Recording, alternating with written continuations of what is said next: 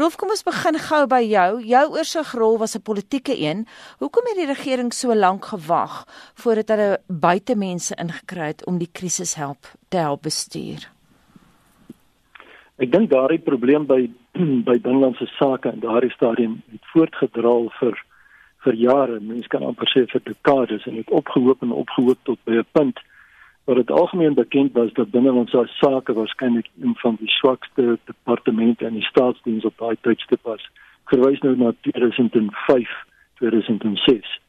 En ons het toe eh uh, destyds as Fever Tree Consulting ehm um, die minister genade en toegetree tot 'n proses om uh, 'n aanbod te maak vir die departement in kompetisie met ander om 'n wat kan mens noem ons het destyds genoem 'n turnaround proses 'n omdraai proses aan die gang te sit en uh, en die departement se dienste met ander woorde uh, heeltemal op 'n nuwe vlak te plaas wat hulle in staat sou stel om dit wat hulle veronderstel is om te lewer met naamlik paspoorte, identiteitsdokumente, permitte en ander aansoeke te hanteer uh, op uh, op 'n vlak te plaas wat uh, wat werklik op standaard is.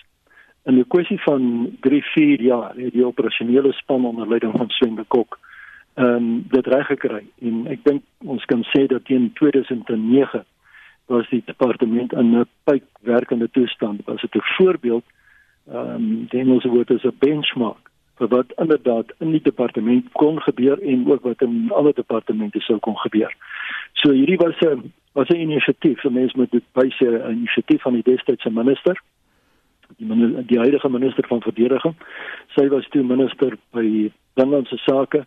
Ehm um, en sy het die inisiatief geneem, sy het uitgereik na instansies wat vir die departement sou kon help om die omdraai aksie te bewerkstellig en dit het was baie geslaagd op die einde. Sven, jy het destyds aan die media gesê een van die hoofprobleme was swak toesighouding. Nou heel toevallig was Malusi Gigaba toe die adjunkminister. Hy het nou net in hierdie vorige onderhoud waarna ons geluister het gesê dat swak bestuur steeds 'n groot probleem is. Brei bietjie uit daarop. So the problem really lies in many cases not at the top. Um in many cases uh the senior leadership understand exactly where they want the department to go. And in many cases, the, the workers actually have worked there for 20, 30 years. As you've indicated, it's a supervisory level. And that's where we actually work with to support and drive the supervisors to assist them and develop them so that they could do the work that they did. And, and that's really the focus of the project. Um, and you're absolutely right. Uh, the minister, the current minister of Home Affairs, Lucy Gigaba, was very much involved. Uh, both from a, a direction point of view, but he was also involved. If you remember, the project was two parts. One was to do a turnaround of the IDs, which we were able to get from, I think, within six months from 137 days down to about uh, 57 days. And when we left three years, we were down to about 25 days. And the ID should be done now within about 14 days. Um, but where Malusi Gigaba was very much involved was in the World Cup 2010. Another reason why the turnaround actually happened was that we were just about to have the World Cup 2010, and a big issue was that we were going to have approximately, say, 650,000 people coming through two major ports, Tambo and Cape Town International, over a six-week period. And Malusi worked very closely with us, and we worked very closely with FIFA to make sure that the smooth transition of these 650,000 people through our border post worked tremendously. So it was both uh, a civics component where we looked obviously at the IDs and passports, but very much so at World Cup 2010 in, in terms of the ports as well. And as, as Rolf indicated, it, when we left in 2009, I think we left a fairly efficient department, and I was happy to see that three or four years later, after I had gone back there many times, to, to just give them a view of, of what was going on, things had been improving. And so it is sad in one way to see what has been happening over the last two years. Sven, ek wil by praktiese punte uitkom. Julle by Fever Tree het 'n punt daarvan gemaak om niemand af te dank nie. That's correct. So one of the first things that we did was work with the union. Uh, we signed an accord with the unions um, up front to say that we wouldn't uh, retrench anybody. But most, most importantly, we just wouldn't bring in new people to take up their jobs. Um, our role was to redevelop, uh, reskill, um, and retrain them at the end of the day. And uh, the success of the turnaround is based on the people. Um, Mavuso Msimang, who was the leader at the time, who was the director general at the time, and known as Mr. Fixit, as he had fixed up SITA previously, he, he made it quite clear. He said, this project will not be a success around the consultants. The success will be around the people. Um, and we worked extremely closely with the unions. Yes, there were times because obviously we changed the roles of the people. Yes, we changed the work that they did. Yes, we changed how they did their work. But more importantly, we empowered them, and that's what the unions enjoyed.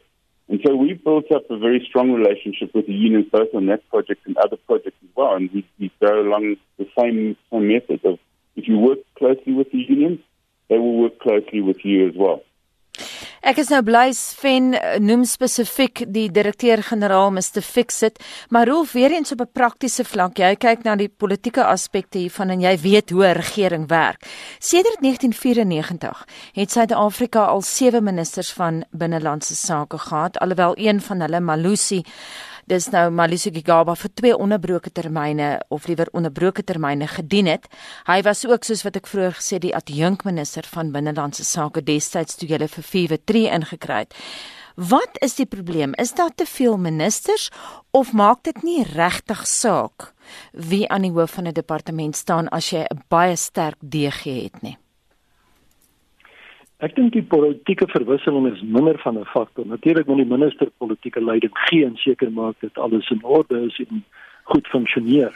Hy of sy moet eh, met met ander woorde deeglik kennis neem as daar vertragings is en dit is goed dat Malusi nou gaan besoek aflê spesifiek en so weet om uh, om vas te stel eerstens op die grond wat is die probleem met die vertragings in die, in die toue by die by die aansoekkantore. Maar ek dink uh, ek dink mense moet vra, jy weet, uh, hoe lyk dit in die bestuur? As die topbestuur van die departement deurlopend ehm um, in goeie gesag is, onder goeie gesag is, dan dink ek kan dit werk. Nou 'n bietjie van 'n verrassende aspek vir my is dat die huidige DG meneer Rapleni was daar gewees op die tydstip uh, toe ons klaar gemaak het met die projek. Met ander woorde, hy sal 'n reeds 'n lang dienende uh amptenaar in aan die hoof van die departement en dit verbaas my 'n bietjie dat jy weet die die beweringe na vore kom nou van die van die agteruitgang in die dienslewering uh, terwyl hy steeds daar is. Um, dit sou eintlik moet werk wees om met hom in gesprek te tree uit te vind wat is sy waarneming en wat is die redes vir die vir die agteruitgang. Sven, ek wil weer eens terugkeer na praktiese aspekte want hierdie tipe van onderhoud kan mens nie net teoreties voer. Mens moet kyk wat kan gedoen word om sake reg te ruk. Jy destyds met Fevertree het jy die manier van werk verander. Byvoorbeeld jy het selgroepies gestig wat gewerk het op byvoorbeeld een ID dokument of een paspoort. Verduidelik vir ons hoe dit gewerk het want dit was baie suksesvol. So, I think what is important is that people think that producing an ID document is, is quite, quite simple. And I'm talking about the green ID books, which we still uh, produce. In fact, uh, to produce an ID book, there's 80 steps, and people are quite surprised that there's 80 steps that are taken. Um, and that obviously means that there's 80 handovers to individuals. Now, one of the things that we had to do was obviously understand where all the touch points are, but more importantly, understand where all the bottlenecks are and also how people work. They they work in uh, what we call serial, all right? And it's, it's not rocket science, and it was quite simple. Uh, you know, one person does their job and then hands it over to the next person. And, and so, if you think of 80 steps to try and do 80 steps, no wonder it took 137 days. So once you start working um, in teams and you can do things in parallel uh, and do work in parallel and understand where the bottlenecks are, uh, and most importantly, understand where people fit in to the process. In many cases, individuals just used to come to work, do their job, and go home, and not understand where they fitted into that 80 step process. So we made the whole process visible to all 80 of all 80 steps, to all the people involved. And just so that you are aware, um, we in South Africa operate on a centralized ID uh, uh, production basis. What I mean by that is that we produce all our IDs in one central place in Pretoria. It's, it's a good practice.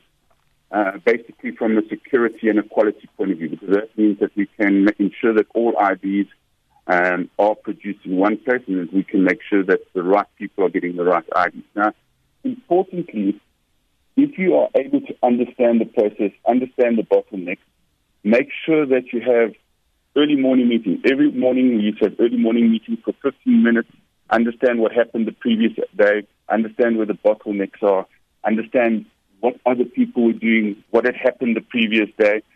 Uh, like Lucy was indicating, he wants to go back to the, what we call the red, yellow, green way of working. So red is a particular function or activity that wasn't working well. We understand why it didn't work well, what happened, what remedial action was put in place. And once you put that in place, within six months, like I said, we were able to get from 137 days, still with the 80 steps, but some of the steps were done in parallel. Some of them were done where we were working in small teams. Um, we were able to get it down to about 56 days. Um, mm. And our target was year one, 60 days. So within six months, we'd already met the, the one year target. By year two, we'd already met the, the three year target of getting it under 30 days. Um, and it's important that you understand, and that's why when we designed the new processes with the new ID cards in place, these IDs should take no longer than 14 days. And that's from the time when you put in an application to the time when you actually get your ID. Understanding that full turnaround time. So it is a bit, um, it's also a little bit understanding why people go to the offices. I think we need to understand once again why people and, and citizens go to the offices. In many cases, they go to the offices merely to, for information purposes, not to go and do an application or to go and pick up their IDs or passports or birth marriage uh, certificates. So, what one of the things that we did very early on is that we set up a call center. So, setting up the call center within three months, um, instead of you going to the uh, um, going to the uh, Home Affairs offices, you were able to phone the call center um, and determine the uh, where your where in the process your ID book was, or where your passport was, or your birth, marriage, or death certificate. And like I said, within three months, we were taking over 100,000 calls within the call center, and we'd reduced the uh, lines by up to 40%, and uh, we monitored that. And mm. um, I'm not sure how well the call center is working now, um, but as you also know, one of the, the things that we did early on was notify people. People mm. weren't also, or citizens weren't aware when they had put in an application or when their ID book was ready. So as soon as you put in your application, one of the first things we did was notify you that your application for an ID or, or passport was in. Um, and then importantly, Sven, we will have to start wrapping. We'll have to start okay, wrapping. Just finish your sentence. Okay, so from our point of view, the communication tools with the citizen is most important. The worrying thing is that individuals, I think, are going to the offices once again to pick up information rather than to make applications or pick up the documents.